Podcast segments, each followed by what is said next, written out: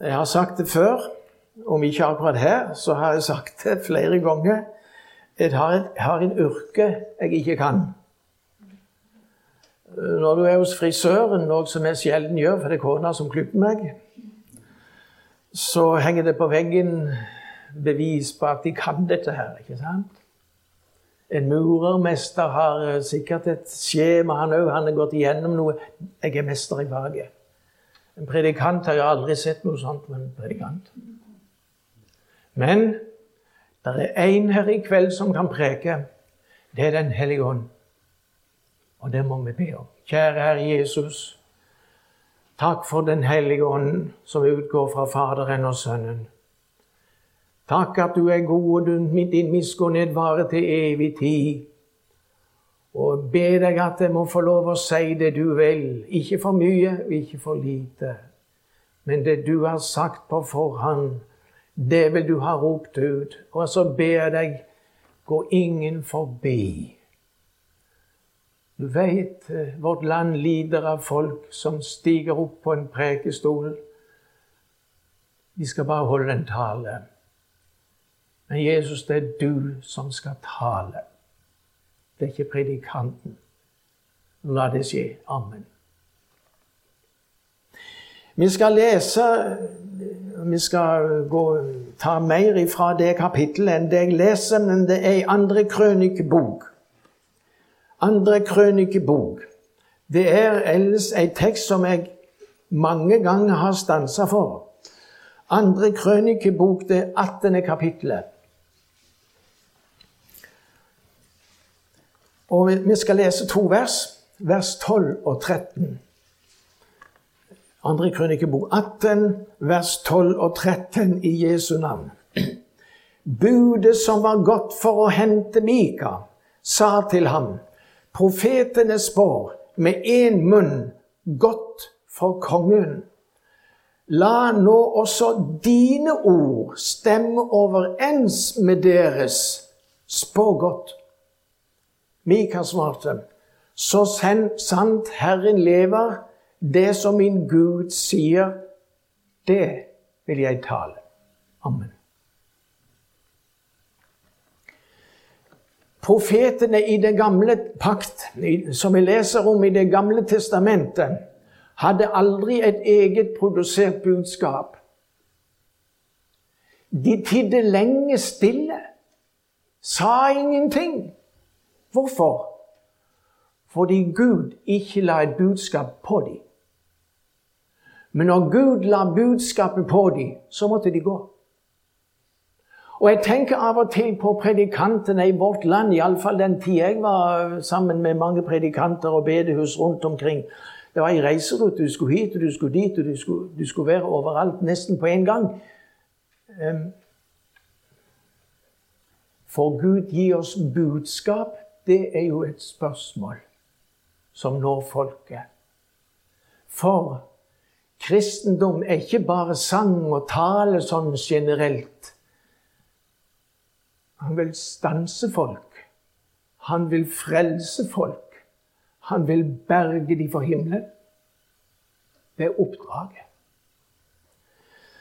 Slik også med Jesu vitner i dag. Vi er bundet. Vi skal bære fram det Gud har sagt. De gamle profetene kom da ofte i en spesiell situasjon. Egentlig i en uønska situasjon. Det var få som ville høre. Men Guds ord sier de skal tale om folket vil høre eller ikke høre. For det skulle ropes ut. Hans ord. En ting til opplevde de også, de gamle profetene. Ofte mange av de ble ensomme. For de hadde budskap som mange ikke likte, og de tok avstand fra dem. I dette kapittelet blir vi kjent med to konger i Israel. Den ene kongen var Akab. Han var den sjuende kongen i det nordisraelske riket. Og den andre kongen var Josafat, som var Judas rikes fjerde konge. Det var delt i to, som vi jo husker. Disse to kongene var så forskjellige at en skulle ikke tro at de hadde mye sammen, de altså. For Akab var ugudelig og brydde seg ikke om Israels Gud og gjorde akkurat det han sjøl ville, og sa det han ville, og gjennomføre sin egen vilje, det var hans hjertetrang. Akab var bonden til Herren i sitt hjerte. Åssen skulle de to uh, samarbeide? Nå er vi kanskje på politikkens område. Det er aktuelt i dag. Ikke bare med presidenter. Her det er konger det er snakk om. Ja. Og så skulle de to samarbeide. For det skulle de nemlig. Men det var noe som bandt de sammen. Hva var det? Jo, Josafats sønn Joram var gift med Akabs datter. Ja, det forstår vi. Ja, det forstår vi jo. Ja. Det er henne eh, foreldre eh, eh, kan være svært uenige men deres sønn og datter har funnet, har funnet hverandre, og så må de prate sammen likevel. Men jeg har jo hørt i sånne, i sånne situasjoner at de har sagt meg men bare pass oss ikke vi snakker om politikk, for da blir det bråk. Så sånn er det vel rundt omkring. Men det er ikke det vi taler om nå. Nå er det ikke på politikkens område. Nå er det at sjelen skal vinnes for himmelen. Og nå er det Guds sanne ord det gjelder. Akab hadde funnet på noe nå som han ville. Han ville gå i krig. For det var et område som heter Ramon i Gilead. Det ville han vinne. Det området var han fast bestemt på. Det ville han vinne. Men han ville ha med seg Josafat. Han ville samarbeide. Og um, han tenkte kanskje Kanskje Josafat ikke vil være med på dette. Og for å blidgjøre han, så står det i begynnelsen av kapittelet han lot slakte småfe og storfe i mengde for ham og de folk han hadde med seg, og han egget ham til å dra opp mot Ramod i Gilead. Hvordan reagerte så Josafat? Jo, han svarte Han fikk spørsmålet 'Vil du dra med meg til Ramod i Gilead?' Han svarte 'Som du, så jeg. Som ditt folk, så mitt folk. Vi vil være med deg i krigen. Men For det var et men. Josef hadde føyde til. Før vi gjør det, skal vi ikke finne ut hva Herren mener om dette. Jeg kjenner ikke ditt liv. Men jeg vet heller ikke om du har spurt når det gjelder ditt liv. Hva syns Herren om mitt liv? Hvordan lever jeg mitt liv? Vi har i Bibelen bruksanvisning for vårt liv her på jord. Du vet, når man kjøper en, en ting, en, et redskap eller et apparat, så følger det med bruksanvisning. Og så står det Jeg husker en gang jeg kjøpte ei lita lampe. Og vet du hva det sto? Les bruksanvisningen nøye. Jeg visste jo hvordan jeg skal stelle kontakten i veggen. Skru i pæra. Det var jo ikke noe særlig å gjøre. Men les bruksanvisningen nøye. I Bibelen har vi bruksanvisningen for et menneskeliv. Vi har de ti bud. Luther sier vi burde først og fremst framfor alle ting lære de ti bud. Der får vi vite hva Gud mener, hva Han vil, og hva Han vil med vårt liv.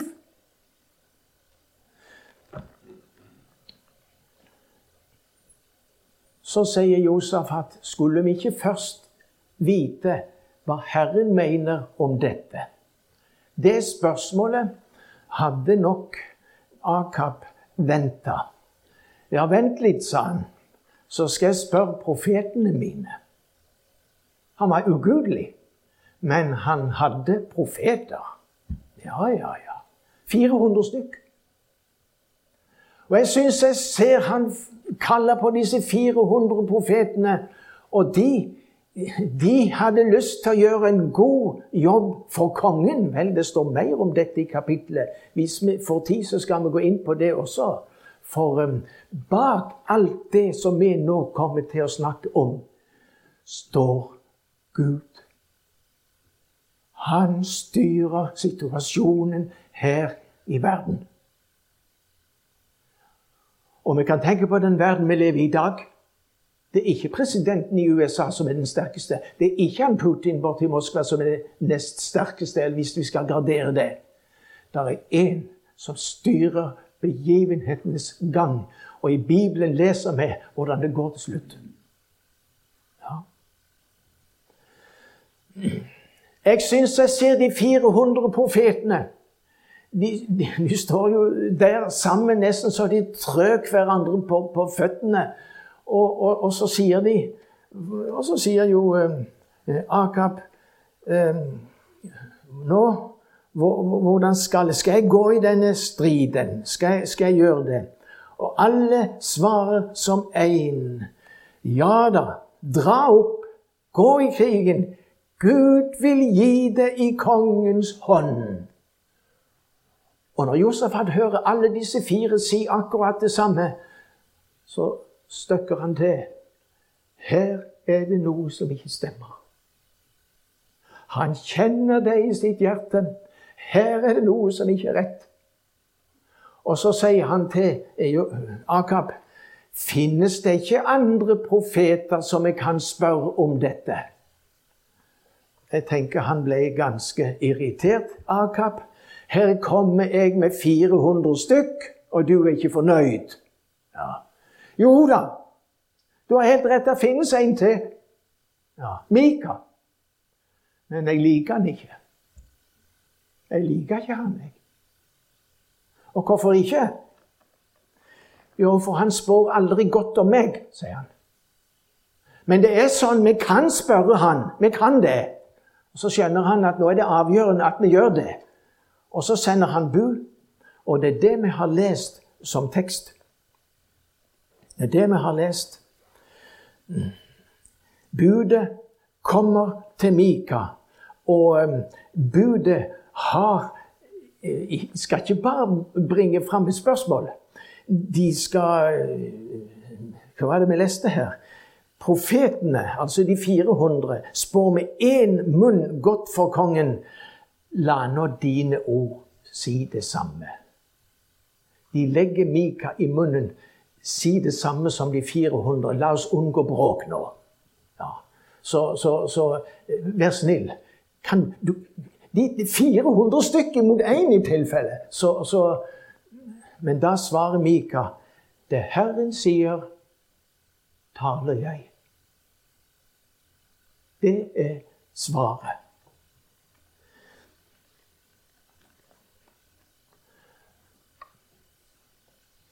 Og Akab han blir klar over Drar du i krigen, så blir det det siste du gjør. Hva gjorde han? Han kasta profeten i fengsel og gjorde akkurat som han ville, ville og ble drept.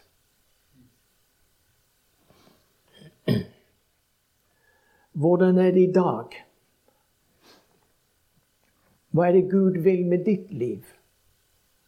Vi lever i et samfunn i dag som Jeg nevnte det på et møte for ikke lenge siden det var en biskop som sa det for mange år siden. Jeg er klar over at det norske folk har valgt Gud vekk. Det er bare det at det er umulig. Du har med Gud å gjøre uansett. Alle har med Gud å gjøre.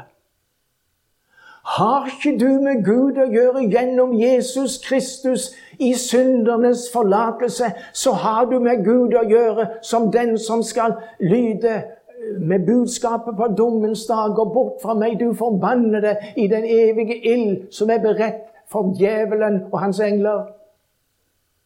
Men til de som er frelst i trua på Jesus, kom hit. Du som er velsignet av min far, og arv det rike som er beredt for deg fra før verdens grunnvoll ble lagt. Det er Guds ord. Nå er det mange ting vi kunne godt ta fram. Men vi har, jeg tror ikke vi kommer ut når vi er nødt til å ta det fram i våre forsamlinger. Den tid vi lever i. Hva syns Guds ord om det? I Markus 10 opplever vi at Jesu disipler var veldig opptatt av én ting, nemlig ekteskapet. Og ekteskapet er en grunnpilar i samfunnet etter Guds ord. Nå hører vi jo i, i masse medier det er ingen som skjems ved å si 'ja, jeg er samboer', jeg. Hva vil det si? De lever i hår, etter Skriftens ord. Og horkarer arver ikke himmelen. Men det bryr de seg ikke om. For Gud, ja, hvis Han fins, så må Han ta oss inn i saligheten. Er Han ikke god? Gjør Han ikke det, så kan det være det samme. Ja vel. Det står også den her.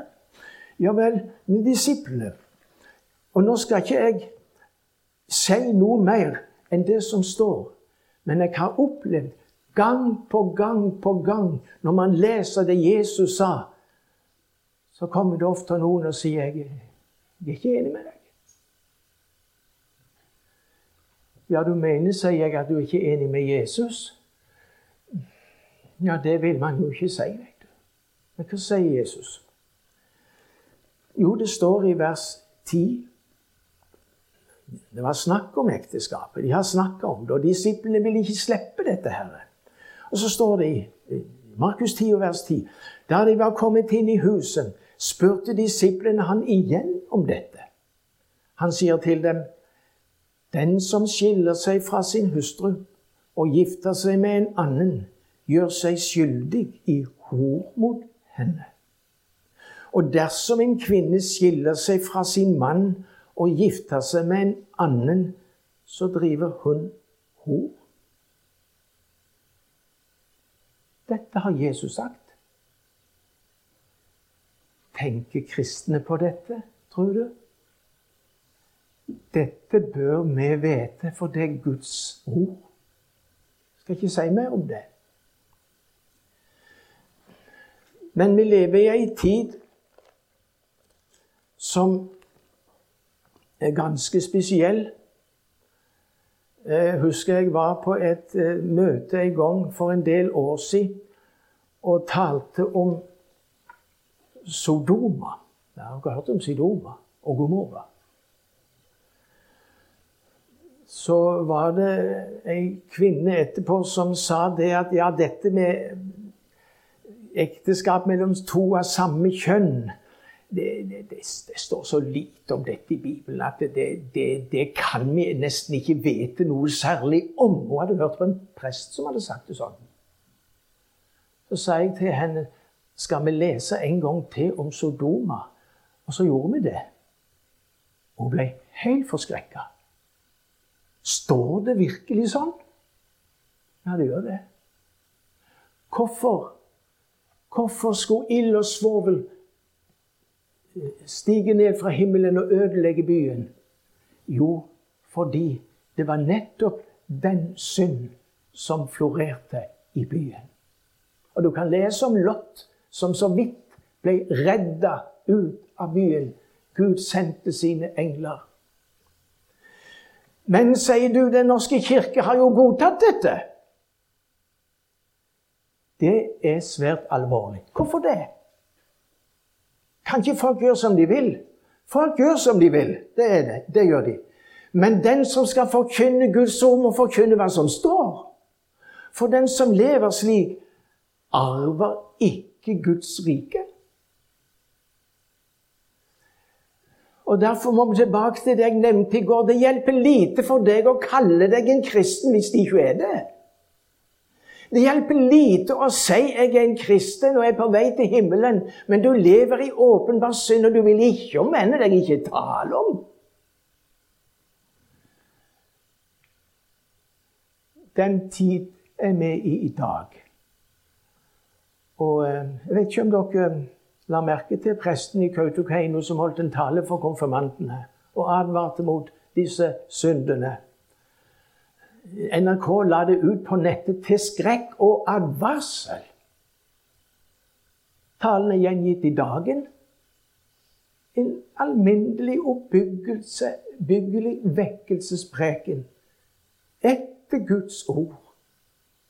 Men presten har fått mye kjeft. Jeg kjenner han. Jeg måtte sende en melding til han og takke. Vi lever i ei tid hvor det er veldig vanskelig å være prest i Den norske kirke. Det er ikke lett. For det heter jo det at hvis ikke du vil vie to av samme kjønn, så må du iallfall legge det til rette, slik at de kan bli vidd. Og det kommer også under Herrens dom. Les Romerbrevet 1, så ser du det. Vi kunne nevne mange ting. Bibelen taler også om baktalelse som en synd som du må ha tilgivelse for. Altså lett for å snakke vondt om andre. For å framheve oss sjøl. Og jeg er sikker på når vi er samla her i kveld og snakker om dette, så skjønner vi at dette gjelder meg. For det er veldig lett å gjøre det. Om ikke du veit så mye om de andre, så er det veldig lett å si noe negativt og snakke bak ryggen. En annen av de syndene som Bibelen tar opp ganske alvorlig, det står om det i 1. Johannes brev, kapittel 2. Det hender jo at vi hører han eller hun eller de De har gjort det og det og det imot meg, imot oss. Jeg kan ikke tilgi dem. Og det er helt rettferdig at jeg ikke kan tilgi dem. Er det det? Er det det? Gud, Guds ord sier i 1. Johannes brev, kapittel 2, vers 9 Den som sier han er i lyset, men som hater sin bror, han er ennå i mørket. I en gammel salme står det La hjertet komme inn i bod og smelte hen i Jesu blod. Da bliver Kristi milde sinn i sjelen deilig prentet inn. La dette sinn være i dere, som òg var i Kristus Jesus, sier Paulus. Dette ønsker Gud og når Han med sin hellige ånd får vise deg at du får være frelst bare av nåde og all din synd er det satt en strek over, og det, det er sletta ut skyldbrevet ditt med Jesu blod. Og du skjønner det. Jeg får lov å synge rein og rettferdig, himmelen verdig, fordi Jesus er min da skjer det noen imot din neste også i ditt hjerte. Det blir et annet sinn. Ja, men har ikke du stått her i kveld og skjelt og smelt? Har jeg det? Vi er nødt til å bringe Guds ord ut som det står. Loven har en hensikt å stenge himmelens dør for alle mennesker. Det blir mørkt. Og når du skjønner at det virkelig er tilfellet Enten har du lyst til å rømme, eller så bøyer du deg. Det fortelles om vekkelsen i Kina. 1929-30, den tida. Det var ikke meninga at denne Marie Monsen skulle stå i den vekkelsen, men han som skulle forkynne, kunne ikke komme. Og så ble, altså Gud bruker den han vil, han. Gud bruker den han vil. Og så skjedde det noe helt forunderlig. Når hun begynte å tale Guds bud ble dratt fram. Hjertene ble dømt ved Guds ord. Og til slutt så satt forsamlingen og gråt over sine synder. Og de visste ikke si arme råd. Vi er fortapt. Vi er fortapt. Når et menneske, du legger opp for et menneske 'Jeg er fortapt', da er ikke bare en teori. For vi kan reise oss på vitnemøtene og si 'Jeg var fortapt og så ingen vei'. I teorien, det er jo sant. Ja. Men når du opplever det Danske eh, høyskolerektor Fritz Larsen, han som var rektor ja, før Hans Erik Nissen i Hillerød, han fortalte i en tale det forresten på Nærbø i 59. Jeg var ikke på det møtet, men eh, jeg vet hva han sa, for jeg har oppdaga det. Han sa jeg våknet en natt. Det var min kone som vekket meg. Og jeg skjønte det var noe særlig.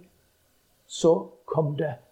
Fritz, jeg er fortapt.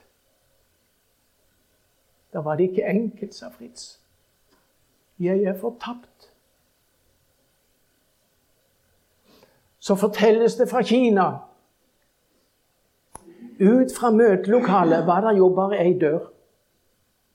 Når møtet var slutt, så stilte hun seg der, Marie, ved døra. Og den, hver eneste en som gikk ut, fikk spørsmålet er du født på ny?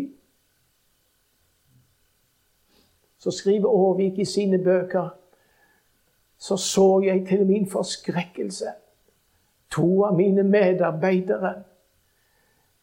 De rømte, de skjønte. Det var jo bare ei dør. Jeg må ut den døra, og der står hun med spørsmålet sitt. De klatra gjennom et vindu og stakk av. Det går an å rømme fra Gud. Men Gud fant disse to igjen. Det gjorde han. Ja. Ingen av oss predikanter kan skape vekkelse, men Gud kan. Gud kan. Og når det begynner,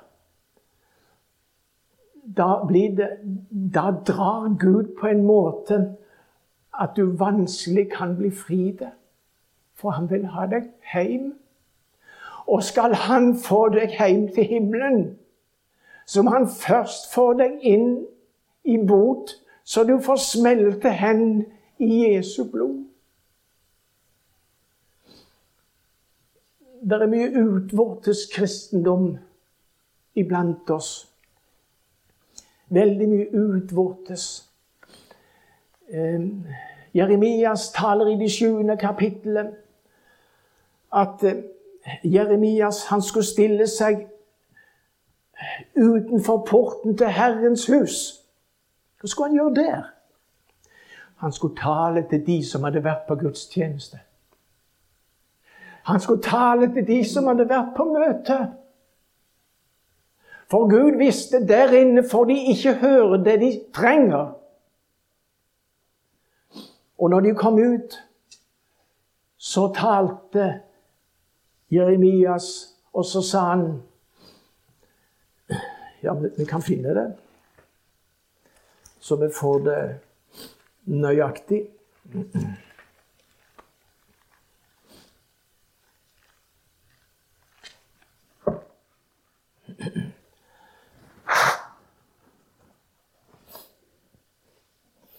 Åttende verset, Jeremia 7.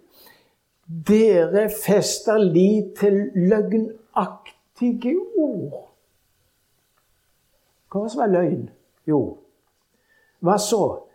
Dere stjeler, slår i hjel, driver hor, sverger falsk, brenner røkelse for bal og følger andre guder som dere ikke kjenner og så kommer dere her og står fram for mitt åsyn i mitt hus, som er kalt med mitt navn, og sier 'Vi er frelst'. Men det står mer. Og så vil dere fremdeles gjøre alle disse avskyelige ting. Du, er det deg det er tale om her? Er det deg? Da vil Herren stanse deg. Jeg vet at emnet her er å ha fred med Gud. Men det kan hende at du først må få ufred. Det kan hende, det. Nå skal jeg uh, gå inn for landing. Uh, må jo det. Men uh, Herren taler aldri alvorlig og strengt uten å rekke ut en naglemerkehånd. For de syndene som ligger på deg og din samvittighet, de lå på meg en gang, sier Jesus. De har jeg sona med mitt hjerteblod, så det er tilgivelse å få.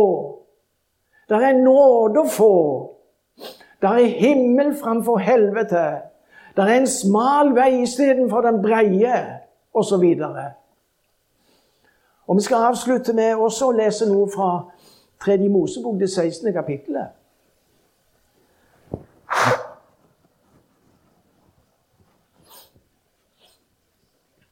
Og vi leser om Aron. Han var ypperste prest. Og ypperste presten var en stedfortreder, en mellommann mellom menneskene og Gud. Han har fullført soningens for helligdommen, står det nå. Og sånn var det jo både i tabernaklet og i tempelet. Soningen skulle fullføres for helligdommen og for sammenkomstens telt, i vers 20. 3. Eh, Mosebok 16. Og for alteret. Og så skulle det skje noe. Og det er dette jeg vil si nå. De skulle føre fram en levende bukk. Og jeg ser det for meg. Der står Aron, det er en mann som holder bukken. Og så skal jeg lese. Og Aron skal legge begge sine hender på den levende bukkens hode og bekjenne over den alle Israels barns misgjerninger og alle deres overtredelser og alle deres synder. Han skal legge dem på bukkens hode og sende den ut i ørkenen med en mann som står ferdig. Og bukken skal bære alle deres misgjerninger med seg ut i villmarken. Og så skal han slippe bukken løs i ørkenen. Ser du det for deg? Der står denne mannen og holder bukken for Aron. Så tar Aron hendene sine, legger på bukkens hode, for der står folket. Og de er syndere. Og de er syndere akkurat på samme måte som i dag. Veldig forskjellig kledd nok, men hele synderegisteret. Og de vet om syndene sine, men de trosser Herren gang på gang på gang. Og det er jo et under at Herren ikke sa 'Jeg er lei dette nå'. Da kan dere bare være. Men igjen og igjen og igjen i den gamle pakt skulle dyr slaktes, blod flyte, til vitnesbyrd om noe som skulle komme en gang. og Han som ofrer seg på Golgata, og så trenges det ikke mer offer, for da er det fullkomment alt. Men nå ser vi han legger hendene på bukkens hode, og så begynner han å bekjenne. Da tenker jeg at folk ble ganske stille. For da hører de navnet på de syndene som lå på deres samvittighet. Og så legges synderne på bukkens hode, som det står. Og når, når Aron er ferdig og har bekjent folkets synder og lagt dem på bukkens hode, så skal denne mannen leie bukken ut i ørkenen, og så skal han slippe bukken løs i ørkenen. Jeg syns jeg ser folket når han går med leier bukken ut i ørkenen. De følger bukken med øynene. Og de som så best, de så han selvfølgelig lengst. Til slutt var det bare en liten prikk og så kanskje en sier 'Jeg ser han ennå. jeg ser han ennå. Der, der, der går mannen. Der er bukken.' Øh, så var det ikke alle som så han kanskje, men til slutt så var, det, så var han vekke. Ingen kunne se han lenger. Mannen var borte. Bukken var borte. Men det var en ting til som var borte. synder. Johannes døperen, se Guds lam som bærer verdens synd. Din synd. Bort for Guds åsyn. Ja, men jeg kjenner jo synden fremdeles her. Ja, Det er ikke merkelig hvis du har Den hellige ånd. Det er ikke merkelig, for det er jo det kan skal overbevise om synd. Men stopper ånden der, da? Har du ikke hørt mer? Jo, jo, han sier han er kommet for å herliggjøre Jesus. Synden er lagt på ham. Og når synden er lagt på ham, da ligger den ikke lenger på deg i Guds bedømmelse i himmelen, i Høyesterett.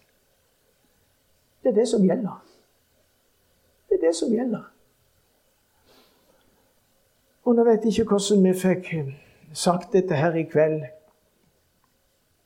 men en liten fortelling til slutt. For mange år siden var det et stort stevne i Karasjok i, i, i Finnmark. Det var et stevne som Misjonssambandet hadde sammen med en finsk bevegelse. Eller stadiansk retning var det nok. Der var det en predikant som het Mørli Karlio. Eh, en finlender. Han var prest. Og han forkynte Guds ord, og Georg Hildonen tolka bispedømmerådssekretær i Nord-Hålogaland, kjente han godt. En gild troens mann i Den norske kirke. Men det var ikke på det stevnet. Det var før min tid. Men jeg har talen hans på bånd. Og i slutten av talen så forteller han det var en mann. Han hadde mange barn. Han var ute på lange reiser. Lange. Og barna var hjemme alene med mor. Men så var det en fin sommerdag, sa han. Så kommer far hjem. Og alle skjønner at far kommer, og det blir liv i barneflokken. For nå de, skal de møte far. De ser han kommer ned i veien, og så skal han snart inn porten. Da bestemmer de seg alle sammen at de skal plukke blomster til far. For det var mye blomster rundt omkring. Det var sommeren. Og til slutt, når far har kommet inn, så står han til slutt med fanget full av fine blomster. Det var litt av en velkomst. Og faren var glad, og barna var glad. Men far savna én. Og det var den minste jenta. Hun, sier presten som preka, hun var åndssvak, som det ble sagt i den tida. Hun skjønte ikke dette her med blomster og alt det der. Og han så henne ikke. Og han spør etter henne. Og jo da, hun er sikkert et eller annet sted her. Det far gjør, han legger hele blomsterbuketten ned, og så går han for å leite etter den minste jenta. Og der inne i skogen der går hun og tusler med seg sjøl. Han finner henne. Og så sier han Han ser hun har gjemt noe inni førkleet sitt. Er det blomster til far? Har du plukka blomster til far, du også? Jo da, hun tar fram fra der hun har gjemt i noen stygge, visne kvister. Hun hadde jo ikke skjønt skikkelig at det var blomster hun skulle plukke. Så smiler og rekker de stygge kvistene til far. Da tar far henne i fanget og går opp veien til mor, som han fikk den fineste gaven av henne. Du kan ikke komme med fine blomster, men du kan komme med synda. Den han tar imot deg med synda di. Det er derfor han kom. Kjære Jesus, takk at du er synderes venn. Takk at du virker i hjerte og samvittighet. Vi kan ikke fortsette i syndene våre. Takk at du virker vekkelse i hjertene. Og nå ber vi deg, Herre Jesus, må du virke slik at noen blir dratt inn til deg vi takker deg at du er Guds lam som bar all verdens synd, og sona den med ditt hjerteblod. Amen.